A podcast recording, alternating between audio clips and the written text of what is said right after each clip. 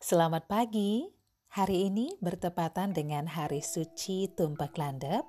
Saya Dayu Juni Newman hadir kembali untuk Anda. Saya akan berbagi mengenai Tumpak Landep dan pemahamannya bagi umat Hindu di Bali.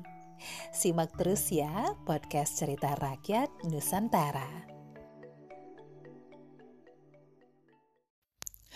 Salah satu hari suci agama Hindu yang cukup istimewa adalah Tumpak Landep yang dilaksanakan setiap 210 hari sekali, tepatnya pada setiap hari Saniscara Kliwon Wukulandep, yaitu hari ini.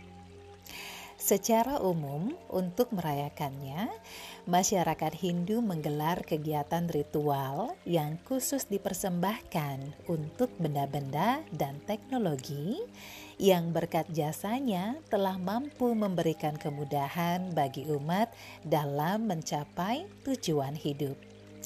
Utamanya adalah benda-benda pusaka, semisal keris, tombak, sampai kendaraan bermotor, komputer, dan sebagainya.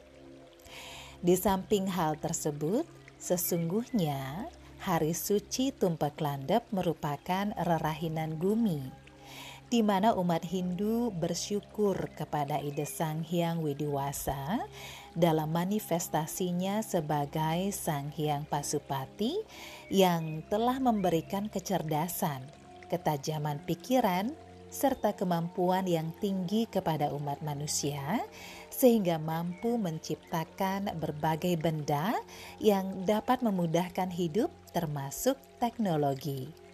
Mesti disadari, dalam konteks ini, umat bukanlah memuja benda-benda tersebut, tetapi memuja kebesaran Tuhan.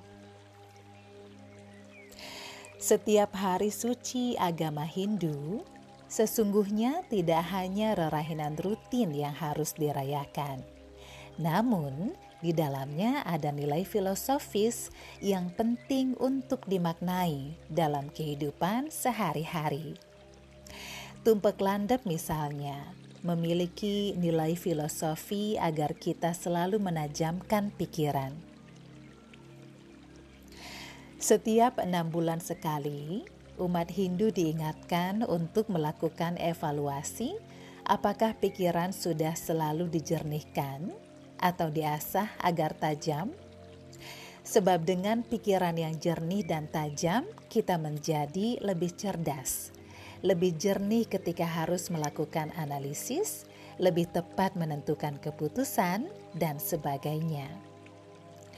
Lewat perayaan Tumpek Landet ini, kita diingatkan agar selalu menggunakan pikiran yang tajam sebagai tali kendali kehidupan.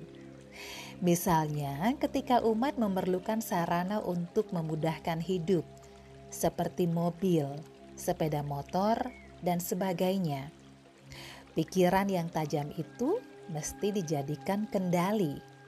Keinginan mesti mampu dikendalikan oleh pikiran dengan demikian, keinginan memiliki benda-benda itu tidak berdasarkan atas nafsu serakah, gengsi, apalagi sampai menggunakan cara-cara yang tidak benar. Semua benda tersebut mestinya hanya difungsikan untuk menguatkan hidup, bukan sebaliknya, justru memberatkan hidup. Dulu, keris dan tombak serta senjata tajam lainnya lah yang digunakan sebagai sarana atau senjata untuk menegakkan kebenaran.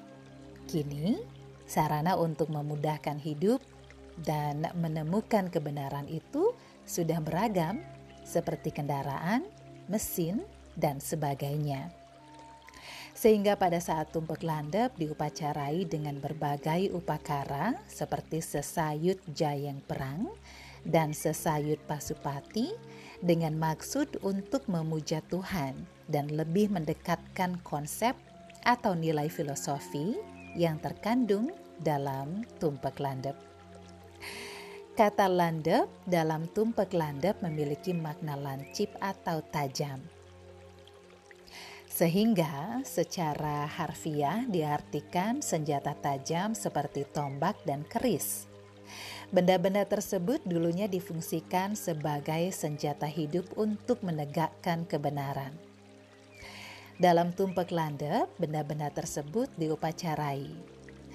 Kini, pengertian landep sudah mengalami pelebaran makna, tidak hanya keris dan tombak, juga benda-benda yang terbuat dari besi atau baja yang dapat mempermudah hidup manusia.